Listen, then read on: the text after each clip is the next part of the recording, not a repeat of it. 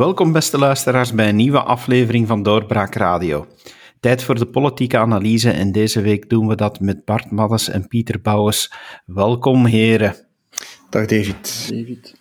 Bart, Paul Magnet heeft een statement gemaakt over de volgende staatshervorming. Blijkbaar wordt hij weer demandeur de rien, uh, want een staatshervorming is volgens hem plots niet meer nodig. Uh, van waar in één keer die bocht, als we het al een bocht mogen noemen? Niet meer nodig en, en niet meer wenselijk, uh, voegt hij eraan toe. Um, dat, ik vind dat eigenlijk een, een vrij logisch standpunt vanuit het perspectief van de PS. Um, en daar zijn verschillende verklaringen voor. Om te beginnen heb je natuurlijk het probleem dat er eigenlijk geen consensus is binnen de PS, maar ook niet bij de Franstaligen in het algemeen, over waar het met die staatshervorming naartoe moet. Hè.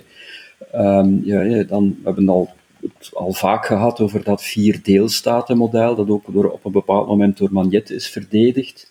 Um, maar dan zie je dat men ook langs Franstalige kant niet bereid is uh, om dat tot in de consequenties, tot in alle consequenties door te trekken. Hè. En bijvoorbeeld te zeggen van oké, we gaan een aparte regelgeving voor onderwijs en cultuur in Brussel, hè, los van de regelgeving in, in Wallonië, of we gaan de, de RTBF splitsen, hè, we gaan een Brusselse openbare omroep maken, dat, dat, dat wil men niet.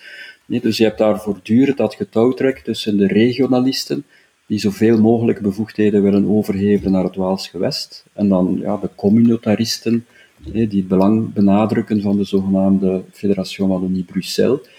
Um, en eigenlijk heeft, men is eigenlijk al vrij ver opgeschoven in de richting van het regionalisme. Hè. Um, men heeft al heel veel bevoegdheden overgeheveld van de Franse gemeenschap naar enerzijds de Kokhof en anderzijds het Waals gewest. De meeste persoonsgebonden bevoegdheden die zijn overgeheveld bij de zesde staatshervorming, heeft men op die manier gesplitst. Um, maar nu botst men eigenlijk op, op, een, op een limiet wat dat betreft. En, en voel je ook wel ja, dat de weerstand groeit van de communautaristen, degenen die dus eigenlijk het belang benadrukken eh, van de band tussen Brussel uh, en, en Wallonië. En men geraakt daar eigenlijk niet uit. Hè. En, en dan is natuurlijk logisch om te zeggen van oké, dan houden we het bij het status quo, wat eigenlijk al een evenwicht is hè, tussen, tussen die twee modellen, Franse gemeenschap, Waals gewest. Um, en waarom, waarom zou de PS nu rond dat thema zo die interne verdeeldheid etaleren? Um, ook omdat natuurlijk de PS zit in concurrentie met hè, de, de PTB-PVDA. Um, en ook met Ecolo, allebei heel, heel unitaristische, Belgicistische partijen. Dus de, op dit moment heeft de, heeft de PS er eigenlijk ook weinig belang bij om nu de, de regionalistische of de autonomistische kaart te, te, te trekken. Um, omdat die, die stroming in Wallonië is eigenlijk vrij, vrij marginaal. Hè. Het, het, regionalisme, voor zover dat nog bestaat, zit dat inderdaad uh, in, de, in de PS. Hè. Maar binnen de PS, ja, dat blijkt nu, is dat ook zeker geen, uh, geen, geen, geen meerderheid. Dus de PS wil ook voor een stuk af van die perceptie eh, dat er een soort complot is, eh, waarbij N-VA en PS samen in 2024 um, mhm. ehm, de federale staat gaan uitkleden. Eh. Dus dat was het, het, het akkoord, um, of het, het, het, het, raamakkoord, het bijna-akkoord um, van, van uh, augustus 2020, eh, waar dat dan zo gezegd de PS akkoord ging met confederalisme in, in ruil voor een, een meer links sociaal-economisch beleid. Um, dus dat is natuurlijk hetgeen dat, dat de NVA in de markt zet. Van zie je wel, met de PS kunnen er wel zaken worden gedaan. De PS is ook akkoord met confederalisme. We kunnen uh, een groot akkoord maken na de verkiezingen van 2024, als we maar sterk genoeg zijn. Um, maar natuurlijk voor de PS is dat heel gevaarlijk. Um, omdat dan, ja, het, ja, de NVA wordt sowieso gedemoniseerd uh, bij, de, bij de Franstaligen. En het idee dat er zo achter de schermen een groot akkoord in de maak is tussen NVA en PS over het ontmantelen van, van België, dat is eigenlijk dodelijk voor de PS. Dus de mhm. PS uh, wil daar vanaf. En dan een derde element, um, dat is natuurlijk wat vaak wordt gezegd, uh, de, de, de, financiële nood van um, het, het Waals gewest en de Franse gemeenschap uh, ja, dan wordt er vaak gezegd van ja, de, de, de Franstaligen zullen wel niet, niet anders kunnen dan een staatshervorming vragen, omdat ze geld nodig hebben. Eigenlijk moet dat heel sterk worden gerelativeerd. Hè. Um, dus dat overgangsmechanisme, dat is voorzien in de zesde staatshervorming, uh, dat, dat, dat weegt eigenlijk niet echt zo zwaar door. Hè. Dat, dat gaat maar over 640 miljoen euro uh, dat dan vanaf begrotingsjaar 2025 zal worden afgebouwd eh, met 64 miljoen euro uh, per jaar. Maar eigenlijk is dat, is, is dat een detail ten opzichte van die totale budgettaire problematiek. En de Franstaligen hebben er ook voor gezorgd dat ze hoe dan ook niet structureel zullen verarmen. Dus je hebt aan de ene kant dat overgangsmechanisme, dat eigenlijk vrij beperkt is, maar tegelijkertijd hebben ze er ook voor gezorgd dat de basis waarop de totale solidariteit wordt berekend, dat is dan in technische termen het zogenaamde vereveningsmechanisme, wordt eigenlijk veel breder gemaakt. Dat is hetgeen dat de NVA onmiddellijk gezegd heeft, ik herinner me dat nog goed, mhm. na uh, tot stand komen van uh, de financieringswet, of het akkoord over nieuwe financieringswet in 2011. Um, ehm, de Franstaligen, de Walen, zullen op geen enkel moment armer worden door dit akkoord. Um, dus dat is ook effectief zo. Um, en natuurlijk, ja, de, de, financiële problemen die zijn ontstaan enerzijds door de coronacrisis, anderzijds door de overstromingen. Ja, bedoel, die kan men oplossen door gewoon meer te lenen. Hè. Er is geen, enkele reden waarom, waarom men gewoon niet meer schulden kan, kan aangaan. Um, vergeet ook niet dat ze een cadeau hebben gekregen van 1,2 miljoen, een miljard liever van de federale overheid, renteloze leningen, hè, om dus uh, de gevolgen van die overstromingen te, lenigen. Um, dus het is, het is, logisch in die omstandigheden dat de Franstaligen nu niet gaan zeggen we gaan, gaan, op onze knieën kruipen voor de, voor de Vlamingen en we gaan meer geld vragen in ruil voor een grote staatshervorming. Um, dus de Franstaligen gaan dat gewoon niet doen uh, en, en, gaan dan eerder kiezen voor de optie om, om meer schulden aan te gaan eh, dan om door het stof te kruipen voor de Vlamingen. Blijft, blijft de vraag natuurlijk of dat ze nog heel veel ruimte hebben. Hè? Want ja, ik, ik hoor u dat langs de kant graag zeggen, maar als je nu eens goed kijkt naar de financiële situatie van de, eh, de Franstaligen, dan hebben ze toch wel een dik probleem. De, de schuldgraad van het Waals gewest is opgelopen naar wat 240% van de inkomsten. De Franstalige gemeenschap zit aan 125% van hun inkomsten. Uh, Brussel zit aan, ook aan 200% van hun inkomsten, met allemaal structureel miljarden tekort op hun begroting. Um, en bij lenen wordt wel een probleem, hè, omdat natuurlijk de rente stijgen. Hè.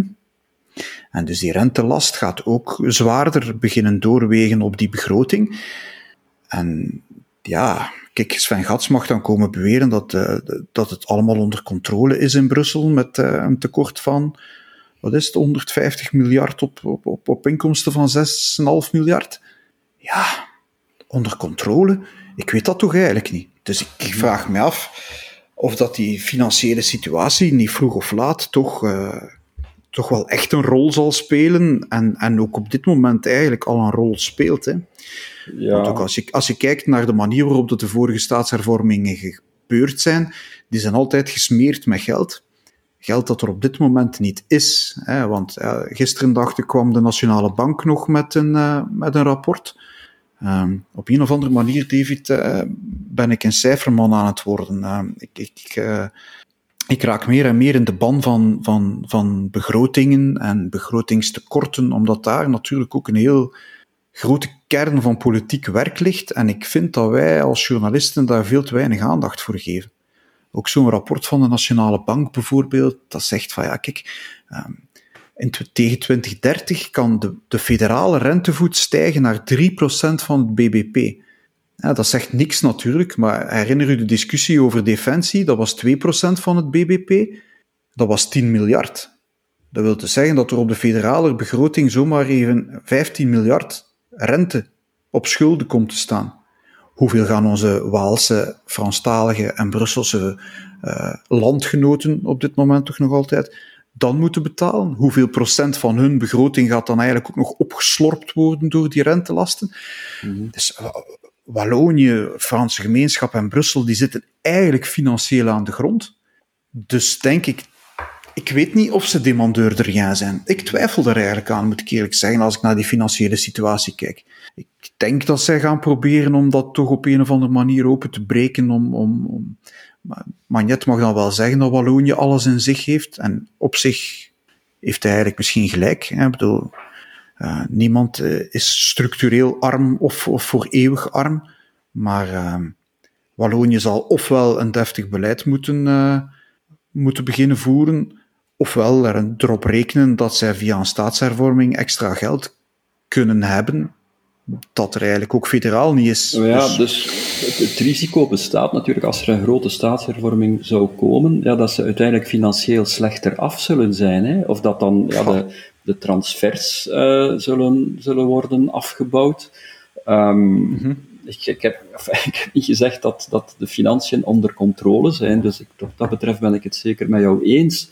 Maar eigenlijk geldt dat even goed voor de federale overheid. Ja, natuurlijk. Ja, ja, ja, ja, ehm, Plus, we hebben ook gezien hè, bij, de, bij de zesde staatshervorming, je hebt aan de ene kant heel de problematiek van de financieringswet hè, en dan het overgangsmechanisme, het vereveningsmechanisme. Maar anderzijds hebben we ook gezien ja, dat omdat toen al natuurlijk de federale overheid uh, armlastig was, hè, dus dan mhm. spreken we over tien jaar geleden uh, eigenlijk, wat men toen heeft gedaan, hè, men heeft uh, bevoegdheden overgeheveld zonder de, de, de, financiële middelen over te hevelen. Um, dus ja, dat, dat dreigt nu natuurlijk opnieuw te gebeuren. Hè. Ja, maar um, op, op dat punt ben ik het eigenlijk ook wel met u eens. Wat, wat zegt men in Vlaanderen? Om zo'n situatie recht te trekken, moet die enveloppenfinanciering of die, die, die procenten en, en, en opcentiemen toestanden allemaal, en, en men moet eigen financiële verantwoordelijkheid dragen voor het eigen beleid. dat is wat, Vlaam, wat Vlaamse mm. politici al lang zijn. Maar dat is natuurlijk niet vast. Voor op, als, je, als je kijkt naar de situatie die ik voor de Franstaligen net geschetst heb, als je zoiets gaat invoeren, is dat natuurlijk niet vast voor de politiek daar. Hè? Dan kunnen ze al hun grote dromen eigenlijk wel opbergen. Ja. Los, van, los van deze financiële situatie, maar als we dan, dan verder kijken naar uh, wat de gevolgen eigenlijk zijn van deze keuze uh, van Magnet en van de PS, wat betekent dat voor NVA, die mikt om in 2024 wel naar dat groot akkoord te gaan? Als we dan even doordenken, heeft Magnet hier dan eigenlijk ook niet gezegd van dat de NVA dat groot akkoord kan vergeten? En bijgevolg misschien de NVA nu wel in de richting van het Vlaams Belang drijft? het, het, is een beetje zoals Bart daarnet zegt. Hè. Ik denk dat, dat Magnet wel die boodschap wil geven. Magnet voelt natuurlijk, staat onder druk, de PS staat onder druk, dat hebben we hier ook al een paar keer gezegd. En ja, hoe luider de NVA zegt van wij willen een groot akkoord met de PS, hoe meer dat de PS onder druk zet. Dus dat de PS nu wil zeggen, um, ja, dat gaat er niet zomaar vanzelf komen. Wij zijn de mandeur de rien. Dus eh, dat groot akkoord met NVA, wacht even. Want dat is niet interessant als boodschap naar hun kiezers natuurlijk. Hmm. De vraag is, gaan ze het dan doen, een keer dat de verkiezing voorbij is? Ja, wie kan dat zijn?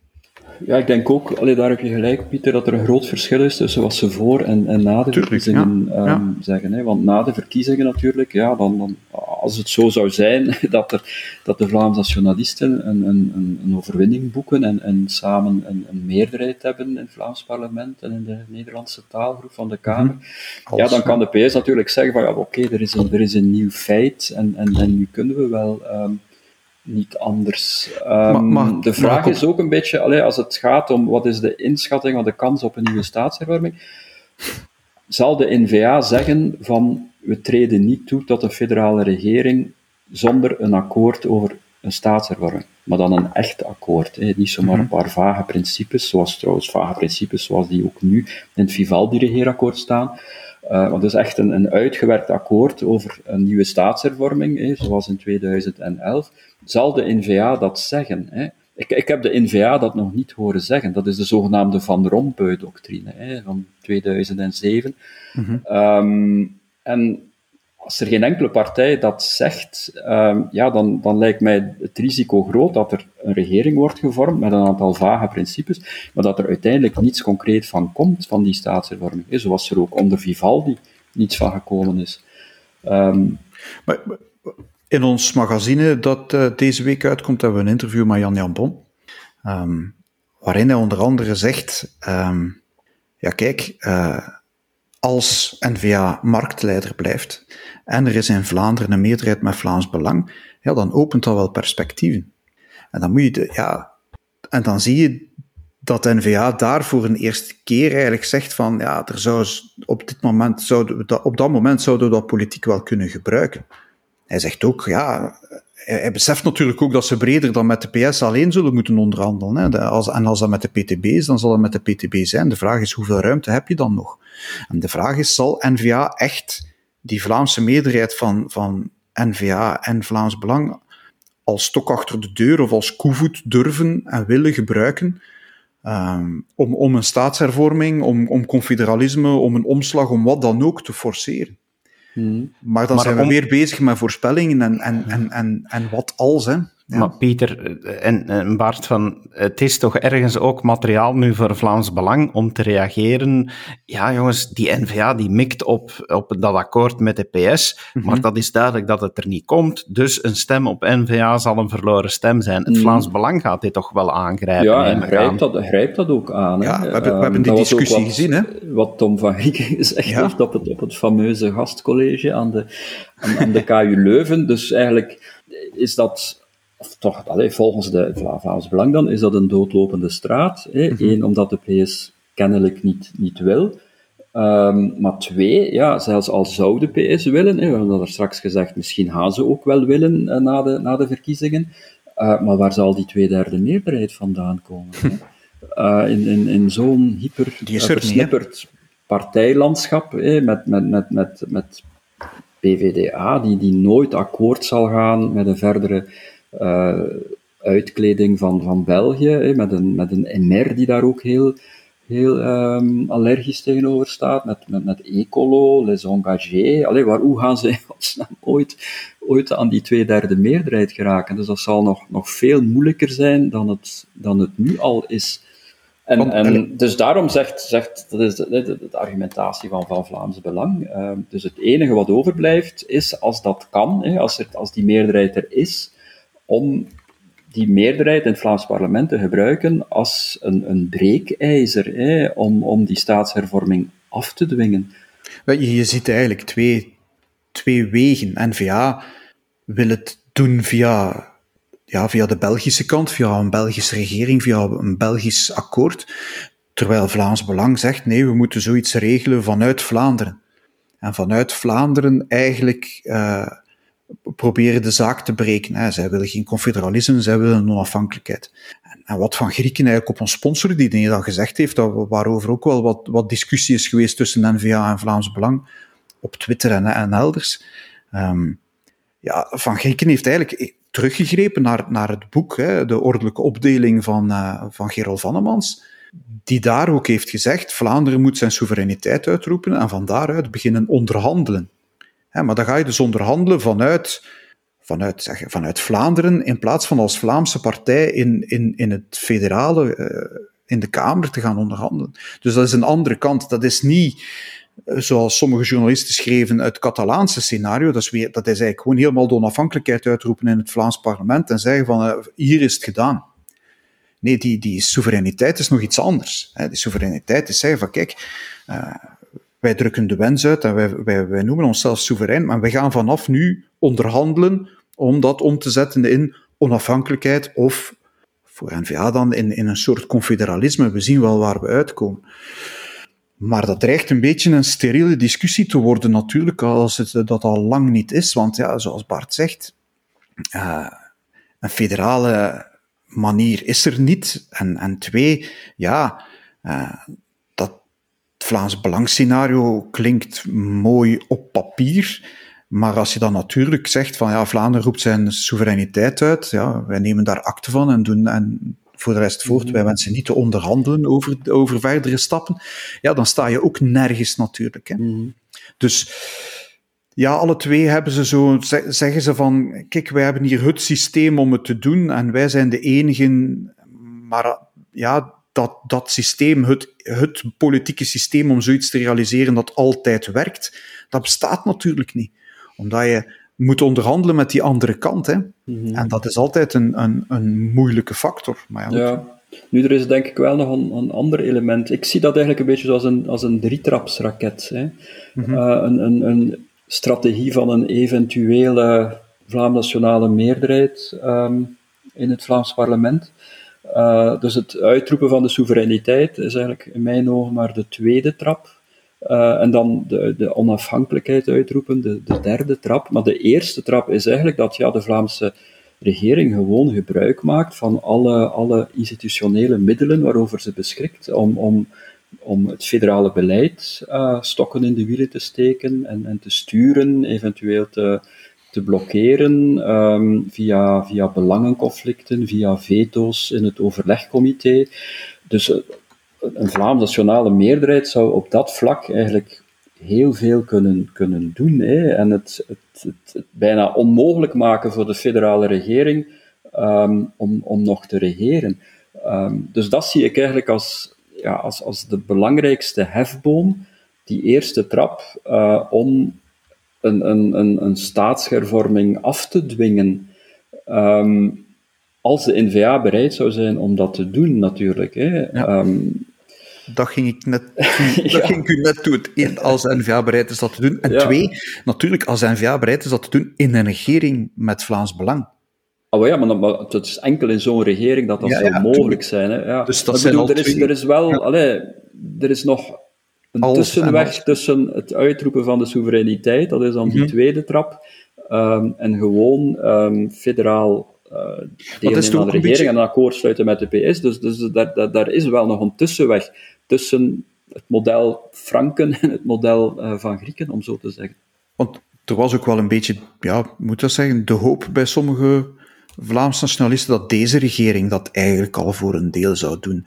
De, de Vlaamse uh, de Vlaamse bevoegdheden eigenlijk zo maximaal mogelijk interpreteren en zo maximaal mogelijk het terrein innemen als Vlaamse regering.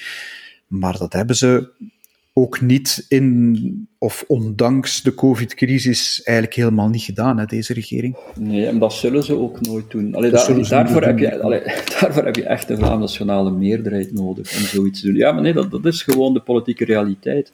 Uh, als, een traditionele partij zal, zal dat nooit doen. Hè. Een partij die tegelijkertijd in de Vlaamse en in de federale regering zit, zal dat nooit doen. Je hebt echt een, nee. een regering nodig, een Vlaamse regering van Vlaamse journalisten, waarvan geen van die partijen ook in de federale regering zit. Um, en dan denk ik wel, wordt er, wordt er heel wat uh, mogelijk. We zitten deze discussie natuurlijk te voeren omdat we eh, ja, de, de, meest recente peiling, en we hm. hebben het hier al vaak genoeg gezegd, eigenlijk wordt er niet genoeg gepeild in ons land. Maar nee. als we kijken naar, naar de laatste peiling, ja, volgens die cijfers bestaat de kans dat, uh, dat er inderdaad een Vlaamse nationale meerderheid komt. Maar je ziet dan ook heel andere gevolgen uh, ja, naar de andere partijen. In, in welke zin is dat van invloed op wat er zal gebeuren? Is dat van invloed op wat er nu gebeurt, volgens jullie? Maar ja, als je kijkt dat het...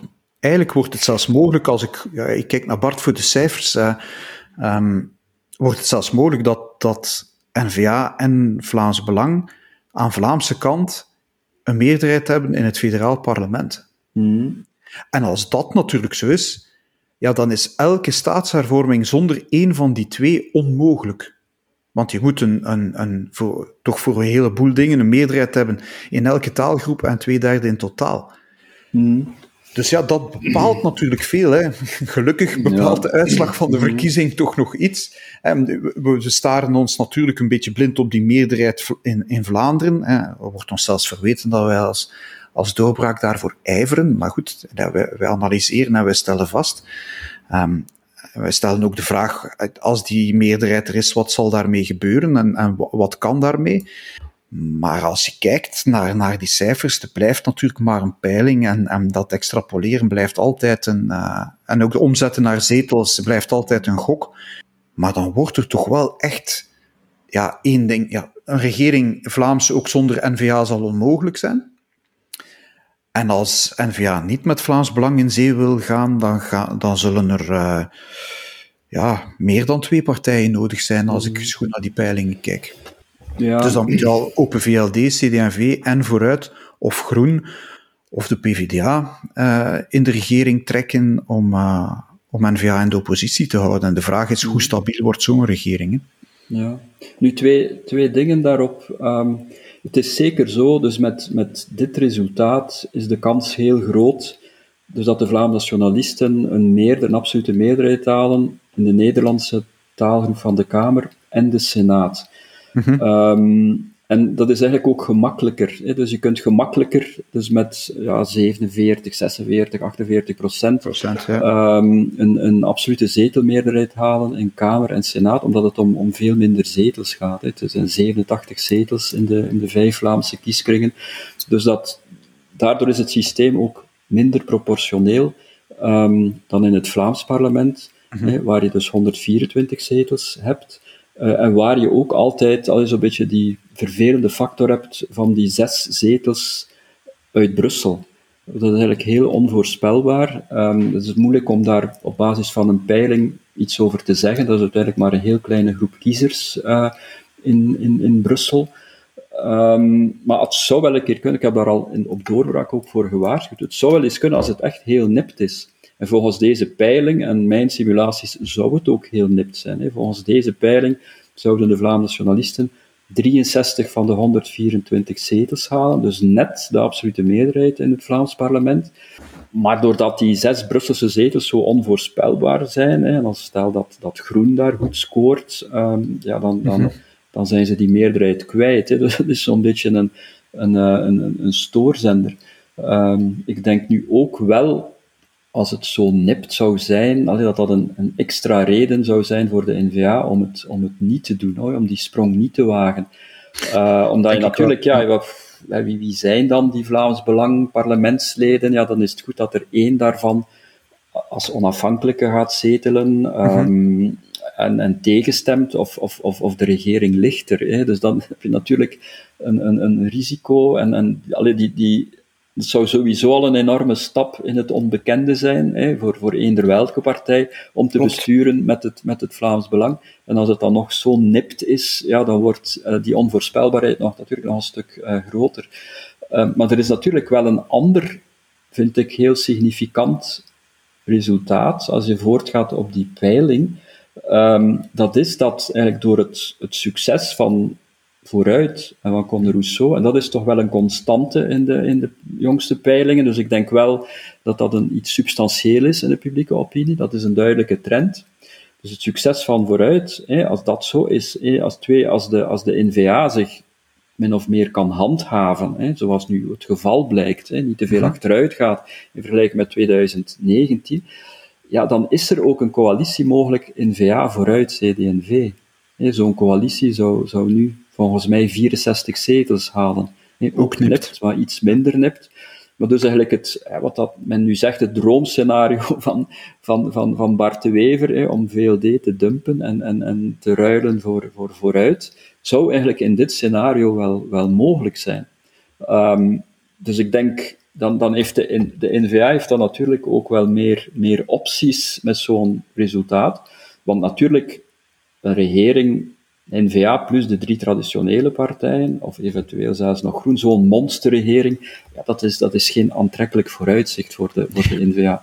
Ehm, dus dat zou dan een, reden kunnen zijn om te zeggen van oké, dan toch maar voor Vlaams Belang, liever met Vlaams Belang besturen dan, dan, dan zo'n monstercoalitie.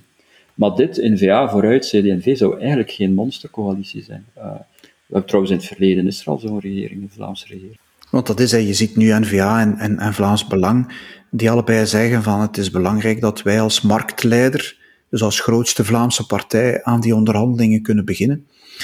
Uh, maar tegelijkertijd zou N-VA wel eens in een heel, ja, je kan de verkiezingen winnen en daardoor in een heel lastig parket terechtkomen. Hè? Dat er eigenlijk zonder jou geen regering mogelijk is, maar dat er eigenlijk ook geen goede regering mogelijk is. Of geen stabiele regering, of het monsterregering. Dus ja, um, het zal spannend zijn, denk ik, die Vlaamse verkiezing. Nu al. Er was deze week ook een betoging. Heb je meer betoogd, David? Nee, nee, zeker niet. Uh, daar, daar ga je me niet vinden in zulke betoging. Maar, uh, ja, ik dacht was... je met zo'n groen of een rood of misschien een blauw jasje, uh, ik weet niet. Ik ben helemaal voor koopkracht, maar het moet uh, realistisch blijven en uh, we moeten de economie beschermen. Maar los van die discussie, die betoging die was uh, ja, natuurlijk gericht tegen, tegen de regering, voor een stuk of een waarschuwing naar de regering toe. Ehm, ja, in die betoging liepen dan partijvoorzitters mee.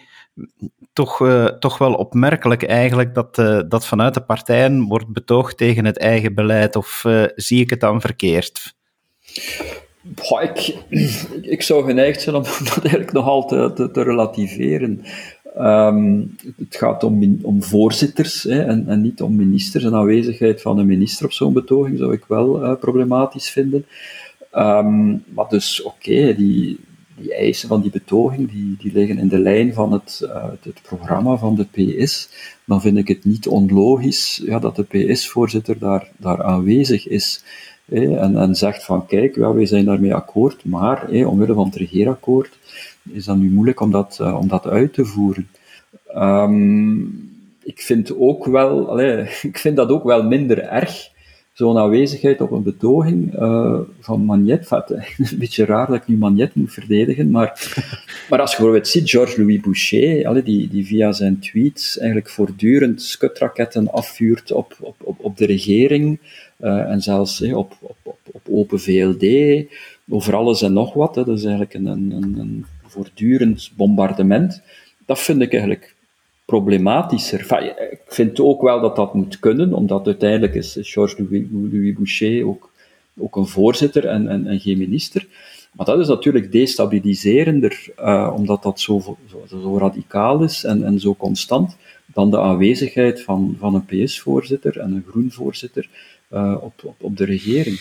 Ik vind ook, ja, het is iets totaal anders, maar ik heb ook zitten denken aan de heisa die er, uh, dus ondertussen al hoeveel, vijf jaar geleden of meer, de heisa die er was in de Franstalige pers, toen, toen Jan Jan Bon als minister van Binnenlandse Zaken aanwezig was op het Vlaams Nationaal Zangfeest. Hè. Um, waar dat ik ook iets zat en, en denk wel, de meeste Vlamingen, ja, is dat nu niet normaal dat een Vlaams nationaal minister aanwezig is op een Vlaams nationale uh, betoging, ondanks het feit natuurlijk eh, ja, dat, dat het, het, het de, de, politieke boodschap van het Vlaams Nationaal Zangfeest natuurlijk ook gericht tegen de federale regering, waar, waar, waar Jan Jan Bon um, lid van was. Uh, in elk geval, allee, hebben we toen ook gezegd van dat is redelijk normaal dat hij daar aanwezig is dan vind ik ook allee, dat het consequent is om te zeggen dat het redelijk normaal is dat een, een, een voorzitter van een socialistische partij aanwezig is op een vakbondsbetoging. Ik, ik vind toch... Ja, ja, Pieter, eh, eh, ja, je, je, wil daarop reageren, maar ik gooi er nog één ding tussen. Ja, is, is, is, uiteindelijk, ja, we kunnen onze ogen toch ook niet sluiten dat we in een land leven waar de particratie eh, mm. voorop loopt. Dus een partijvoorzitter, oké, het is geen minister, maar het is toch ook niet zonder belang. Nee, want allee, ik herinner mij dat we hier ook al zitten discussiëren hebben over de, die partijloyaliteit en, en die particratie, die, die parlementsleden echt dwingt om bepaalde keuzes te maken en, en, en in die partijlijn te lopen. En als je die strenge, strakke particratie handhaaft, dan kan je toch niet als voorzitter van, een, van de grootste regeringspartij of van een andere regeringspartij, want Groen liep er ook, um, zomaar gaan meebetogen in, in, in een betoging die eigenlijk regelrecht tegen uw regering ingaat, die regelrecht eist van kijk, uh, die regering moet een ander beleid voeren. Ik vind dat eigenlijk ongehoord. Ik vind dat onvoorstelbaar. Ik, dat, dat, dat, dat is eigenlijk een, een, een afkalving van, van ja, moet je zeggen, politiek fatsoen of zeden. Um, het, het, uh, het voorbeeld van, uh, van uh, Georges-Louis Boucher wordt hier aangehaald. Maar dat is, ja, dat, twee jaar geleden, bij het begin van Vivaldi, waren we daar nog allemaal sterk van ja, was er ook heel veel verontwaardiging. Nu went dat blijkbaar. En die participe opposition, dus deel, maken, deel uitmaken van de regering en van daaruit in die regering oppositie voeren tegen de eigen regering, dat, dat lijkt een soort nieuw normaal geworden. Maar hoe kan je dan als oppositiepartij ook nog oppositie voeren? Dus ik vind dat hier uh, ook, ook democratisch, je moet ergens toch een lijn kunnen trekken. Magnet moet de regering verdedigen. Het is zijn regering. Dan moet je niet gaan, gaan, gaan betogen. En Mhm. oké, je kan hier en daar wel eens zeggen van, kijk, dat is een compromis. Goed, tot daar aan toe. Maar dit vind ik echt, eh, ja, nee. Ik vind dat van, eigenlijk is dat populisme. Sorry. Dat is, dat is zeggen tegen, tegen wie tegen uw regering is van, je hebt gelijk. En dan in de regering zeggen, maar wij hebben ook gelijk. Ja, dat gaat niet. En je moet ergens, ergens moet je een keuze maken. Ik vind dit, ik vind dit eigenlijk echt beneden alles dat is poli politieke, is dat eigenlijk onfatsoenlijk. Dat, is, dat, is, dat, maakt u, dat breekt uw democratie af, zoiets. Je moet daar heel eerlijk in zijn. Ja, maar eh, ik vind dat toch niet helemaal consequent. Want bedoel, je hebt het zelf gezegd, Pieter, dat is de particratie. En, en als je dus eigenlijk uh, dat model van de particratie verdedigt, ja, dan kan dat niet. Hè. Er, moet, er moet loyaliteit zijn van de politieke partij. Maar, maar wij zijn toch helemaal niet voor de particratie. Nee, maar uh, ze is er op dit moment. Nee, dus en de mensen die ook, ze uitdragen, ja, die gaan maar, uiteraard, die, die, net die mensen die daarvoor staan, die gaan daar dan betogen. Nee, maar ik vind juist... Hetzelfde met Stefanie Doze, die daar ging betogen op die, op die uh, coronabetoging in Brussel. Enfin zeg. Ah ja, nee. Ik vind dat volksverlakkerij. Ja, nee, dat vind ik, eigenlijk nog ter staan. Het is volksverlakkerij. Gewoon. Het is, het is zeggen dat je ervoor bent en tegen bent tegelijk. En dat is politiek onfatsoenlijk en is gewoon volksverlakkerij. Mm. Je moet durven voor je keuze staan als politicus. En zeggen, oké, okay, nee, kijk, tegen de vakbond, we gaan die wet niet aanpassen. Omdat we daar op dit moment in de regering, kunnen we dat niet. Ja, dat moet man net zeggen. Ja, tuurlijk, maar dat zegt hij ook. Ja, Momenteel is daar geen meerderheid doen, voor. We, hebben, we, hebben, we, hebben, we willen dat wel. Hè. Dus als, als, dat is, dat als de kiezers, allee, als de kiezers massaal voor ons stemmen en we hebben een absolute meerderheid, hè, dan gaan we die wettelijke concurrentiekracht wat, veranderen. Wat iets maar, maar, doen, ja, nee, maar ja, ik weet het niet. Maar ik vind wel, allee, er, er is, als het gaat over die discussie, vind, vind ik, allee, er is daar toch ook heel veel hypocrisie. Hè. Aan de ene kant zijn we allemaal tegen de particratie. Um, vinden we dat er een, een, soort evenwicht moet zijn tussen ja, maar... de regering, uitvoerende macht, anderzijds parlement. Eh, dat, dat de parlementsleden niet zomaar blind maar op het knopje mogen drukken. Want maar, ik, ik, ik stel, heb dat ook stel gemerkt. Dat er nu, stel dat er nu inderdaad onafhankelijkere parlementsleden zijn, die Ja. ook in het parlement durven tegenstemmen, dat die mensen gaan betogen, dat zou ik dan nog Mhm. consequent vinden. maar ja, Maar dat uitgerekend Magnet, de man die voor die, een van die mensen die voor de particratie staat, die de lijn uitzet in zijn partij, die Mhm. zegt welke knopjes moeten ingedrukt worden, dat uitgerekend hij in die betoging gaat meelopen, dat vind ik, ik zeg het, hypocriet. En, en ik vind het ook politiek en democratisch Mhm. onfatsoenlijk. Ja, ja daar, daar heb je zeker een punt.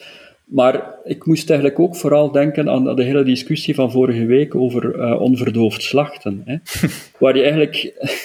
bedoel, ook... We gaan hier dus alle partij- onderwerpen doen. Ja, eh, ja, altijd de partijdiscipline. Hè, en, en dan vond iedereen dat eigenlijk normaal, hè, dat dan Fouad Aïka, A- A- A- Aïdar, Ja, hè, ja, dus het is het, ja. Brussels parlementslid van, van Vooruit, dat hij de partijlijn volgde. Hè, eh, en dat dan, die dan eigenlijk werd gesanctioneerd door, door Conor Rousseau. Nu, ik wil hier niet de inhoudelijke discussie voeren. Hè. Ik bedoel, eh, dus, en, en hè, de, de theocratie in Brussel enzovoort. Dus dat is iets anders. Maar puur democratisch gezien ja, vind ik dat eigenlijk vrij normaal ja, dat, een, dat een parlementslid Mhm. op een bepaald moment afwijkend stemt, rekening houdend met zijn achterban.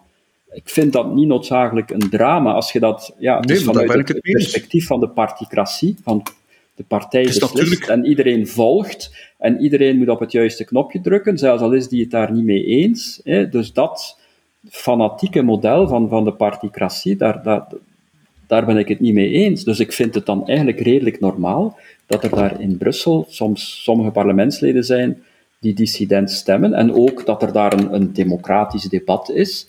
Eh, dat de partijen die het daar moeilijk mee hebben, hè, dat die zeggen van we laten onze partijleden, we laten onze parlementsleden vrij om daarover te stemmen. Eh, en, en we zien wel hè, wat dat dan de vertegenwoordiging van Ja, ja. de Brusselaars beslist. Hè. Maar, Maar dan voel je dat, de toch- tegenstanders, de grote tegenstanders van, van de particratie, hè, aan de ene kant is het zeuren over de particratie. Maar aan de andere kant mopperen ze dan ook, omdat dan in Brussel allee, die particratie niet wordt toegepast. Maar het is wel de particratie die de regering uh, recht houdt voor, uh, voor een stuk. Want uh, ja, bijna iedere keer komt hier de vraag van, gaat deze regering het volhouden? Dat is, dat is bijna een constante vraag en het begint erop te lijken dat de enige reden is dat ze niet valt, is omdat niemand weet wat er dan gebeurt of in welke richting ze moet vallen. En dus dat enkel ook die particratie, die sterke particratie, de regering nog, in, nog aan de macht houdt op dit moment. Ja, ja, ik heb gehoord dat er uh, ergens uh, in het parlement ook een poll is bij, bij, bij partijmedewerkers. Wanneer valt de regering? Uh, ik zou wel eens willen zien wat daar allemaal op staat. Um, ja, er zijn de believers en de non-believers. Hè. Zijn uh, heel veel mensen die ervan uitgaan dat wij binnenkort, dat die, dat die regering uh, na de grote vakantie zal vallen. Ja, ook, ja, we hebben het hier net over die vakbondsbetoging gehad. Hè. De, de, de vakbonden zeggen dat ze geen volgend interprofessioneel akkoord willen goedkeuren. Dus dan komt dat, als de sociale partners geen, geen overeenstemming vinden, dan komt dat op het bord van de regering terecht. En daar is dat, ja geen goede zat. Enfin, daar zijn ze het niet over eens, zoals ze het over alles niet eens zijn. Um, maar goed, uh, zullen ze daarover vallen? Ik, weet niet. Uh, zullen ze dat zomerakkoord halen? Dat is al de eerste vraag. Zullen ze daarna dat interprofessionele akkoord halen? Dat is al de tweede vraag. Uh, eigenlijk hangt daar nog vragen aan vast. Zullen die akkoorden, als ze die vinden, iets uitdoen? En zou het dan niet beter zijn dat de regering valt en dat we er een andere kunnen krijgen? Maar de vraag is dan, zullen we er een andere krijgen of gaan we naar het scenario van Zweeds uh, zeggen van ja, die verkiezingen zijn voor het 24, we gaan die toch samenhouden. Uh, dus we gaan in, uh, in lopende zaken. dus tegenwoordig is in de Belgische politiek zowat alles mogelijk. Um, helaas. Dus ook dat. Maar ik, ik, durf eigenlijk, nou, ik durf eigenlijk geen voorspelling meer maken. Ik, ik weet ook niet of we moeten hopen dat die regering valt eigenlijk. Ik denk dat als het gaat over het voorspellen van regeringscrisissen, dat we als commentatoren eigenlijk een beetje bescheiden moeten zijn. Want als je kijkt, Zeker. een voorbije regeringscrisis, de Marrakesh-crisis 2018, maar ook de BHV-crisis 2010, hm. die is eigenlijk door niemand voorspeld. Wie had er in 2010 gedacht dat uitgerekend Open VLD er de strekker zou intrekken ja. omwille van, van BHV? Maar ook vroeger nog, allee, ook 1991, heel de crisis rond de wapenhandel. Wie, wie had er dat verwacht, dat de, dat de Volksunie dat, dat zou doen? Um, dus als, als men voorspelt de regering zal vallen, dan valt die meestal niet. En als men het niet voorspelt, dan, dan, dan valt die wel. Uh, dus dat is, dat is ook iets heel irrationeel, denk ik. Denk, hè? Ja. Dan partijen de Marrakesh, Marrakesh-crisis bewijst dat, hè? hoe irrationeel dat ja. was. Maar het is natuurlijk wel zo, ja, als je kijkt naar de voorbije jaren, ja, de Vivaldi-coalitie heeft een, een, een groot, uh, groot talent om voor te strompelen, hè, om met, met mini-akkoorden uh, tijd te, de tijd te rekken, hè, akkoorden die dan, die dan nog eens worden heronderhandeld, enzovoort, met mini-stapjes. Ja. Dus, dus uiteindelijk al die, die grote klippen, hè, bijvoorbeeld het, de, de kernenergie, hè, dan hè, het, het, het arbeidsmarktakkoord van oktober vorig jaar, wat dat dan eigenlijk nu maar pas heel recent uiteindelijk beklonken is, um, dus de, de, de Vivaldi-coalitie slaagt er wel in om, om met mini-stapjes en allerlei trucjes uh, en foefelen om, om, om voor te strompelen. Hè. Het dus waarom zou, die, ja, waarom, zou die niet, waarom zouden die niet kunnen voortstrompelen op dezelfde manier uh, tot, tot 2024? Ja, maar wel, ja, we hadden het hier net over die peiling. Als je ziet dat in die peiling PS en MR het eigenlijk redelijk goed doen, zou dat natuurlijk hen wel op ideeën kunnen brengen. Hè? Want ja, nu doen ze het goed. Hoe lang, hoe lang zal dat zo blijven? Ja, dat, dat, kan een reden zijn om te zeggen van, ja, we trekken er beter nu de stekker uit dan te wachten tot 2024, na nog wat voortstrompelen en, en akkoorden waar onze achterban eigenlijk ook allemaal niet tevreden mee is. Mm. Dus ja, maar, ja, maar dat, dat je moet er altijd inderdaad nederig in zijn. Er zijn heel veel factoren die spelen en er zijn heel veel ook irrationele factoren die spelen en die je nooit kan inschatten. Ja, en dat goed doen is ook heel relatief en dat wisselt dan ook sterk van, van peiling tot peiling. Er, is ook, er zijn ook grote verschillen altijd tussen Brussel en Wallonië. En dat maar is Brussel dan is moeilijk te peilen. Hè? Ehm, dus om nu te zeggen van, allee, dat, er een paar, dat de PS zal zeggen, ah, we hebben een goede peiling, we laten de regering vallen, allee, dat lijkt mij ook iets te simpel, eerlijk gezegd. Mm Laatste vraag, Pieter. Je uh, verwees al naar het interview dat met uh, minister-president Jan Bon verschijnt in het magazine. Um, is er daar ook uh, enige indicatie van wat zijn toekomstplannen zijn? Want hij verschijnt momenteel heel veel op het internationale toneel. Ja. zoekt hij een exit naar, naar een internationale functie? Goh, ja, er wordt van alles gezegd. Er wordt gezegd dat hij dat, dat ja, ten eerste wordt blijkbaar openlijk de kandidatuur van Demir als zijn opvolgster naar voren geschoven, wat ik eigenlijk een heel eigenaardig zet vond van de Wever. Um, en, en twee, wordt voor uh, Jan Jan Bon uh, naar Europa gekeken, wordt mij verteld. Dus um, ja, we zullen zien. Hè. Zal hij op de Europese lijst terechtkomen? Kort daarna moet, een, uh, moet ons land een Europese commissaris aanstellen. Het, uh, het, is deze keer aan de Vlamingen om dat te doen. Uh, dat wordt meestal meegenomen in een, in een hele koehandel rond, meestal in de federale regeringsvorming. Maar hoe snel zal die gaan? Er zal eerder iemand moeten zijn.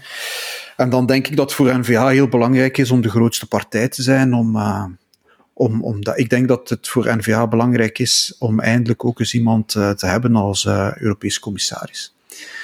Dat zij als beleidspartij uh, echt daar in de kern van, van die Europese besluitvorming eindelijk ook eens aanwezig willen zijn. En ja. dat zij daar als grootste partij vinden dat zij daar recht op hebben. Maar, of dat Jan Jan Bon zal zijn, dat, dat, dat, ja, dat vind ik nu eerlijk gezegd ja. toch wel van, van ondergeschikt belang in vergelijking met het andere feit, namelijk uh, dat de NVA, als het dan gaat over het Vlaams ministers, minister-presidentschap, toch eigenlijk wel een heel knullig parcours aflegt. Hè.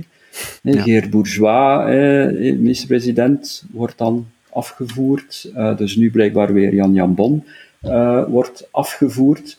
Uh, vergeet ook niet dat in 2019 was het niet Jan Jan Bon, maar wel Bart de Wever die kandidaat was minister-president, maar die wou het dan om een of andere reden um, niet doen. En uiteindelijk is dat denk ik ook wel een beetje de, de erfzonde van, van heel dat verhaal.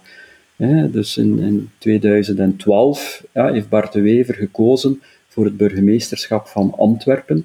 Um, dat is toen binnen de Vlaamse beweging was daar toen vrij veel kritiek op, onder andere van, van Peter de Rover, die, die toen nog, nog geen NVA was. Um, en uiteindelijk, allee, het is toch normaal dat in een, politieke partij dat het boegbeeld van de partij, het, het, het, ja, de sterkste politicus, is toch evident Bart de Wever is hè, en was bij de NVA, dat die gaat voor het hoogste ambt voor de partij. En voor een Vlaamse Nationale Partij is het hoogste ambt het minister-presidentschap. Ja, ja. uh, het leiderschap van de Vlaamse regering. het feit dat, dat Bart de Wever daaraan verzaakt en eigenlijk aan de, aan, de, aan de zijlijn blijft staan als burgemeester van Antwerpen en dan soms een keer zijn, zijn duim naar boven doet en soms een keer naar, naar beneden, vind ik eigenlijk een, een heel, heel problematische situatie. Um, en ik weet inderdaad niet of dat nu Zuhal Demir nu allee, de mirakeloplossing is uh, en de ideale minister-president. Zou een andere stijl zijn, wat in ieder geval. Dus ik zou eigenlijk, misschien moet Bart de Wever er toch een keer goed over nadenken, of dat hij niet zelf, als, uh, well, fijn de carrière is misschien toch een beetje vroeger, als bekroning van zijn carrière, toch minister-president zou willen worden van de Vlaamse regering.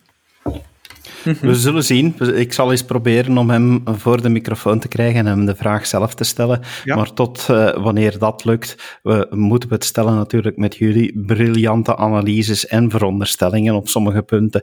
Maar het blijft boeiend om daar naar te luisteren. Dankjewel Bart, dankjewel Pieter voor jullie tijd vandaag. En u, beste luisteraar, dank u wel dat u geluisterd hebt. Blijf afstemmen op Doorbraak Radio, want er komt natuurlijk nog veel interessant nieuws uw richting uit. Tot de volgende keer. Dag. Dit was een episode van Doorbraak Radio, de podcast van doorbraak.be. Volg onze podcast op doorbraak.be/slash radio of via Apple Podcasts, Overcast of Spotify.